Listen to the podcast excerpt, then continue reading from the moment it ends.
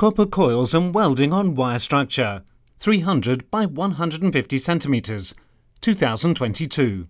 A piece from the Power series, the artist's symbolic interpretation of wings as a proposal for abandoned spaces rebuilt as natural nests. The piece aims to spark thought about nature's very human struggle for survival against humankind's devastation of the ecosystem and its efforts towards coalescence. It acts as a symbol for the communication between bees during their instinctual struggle to maintain the balance and endurance of nature.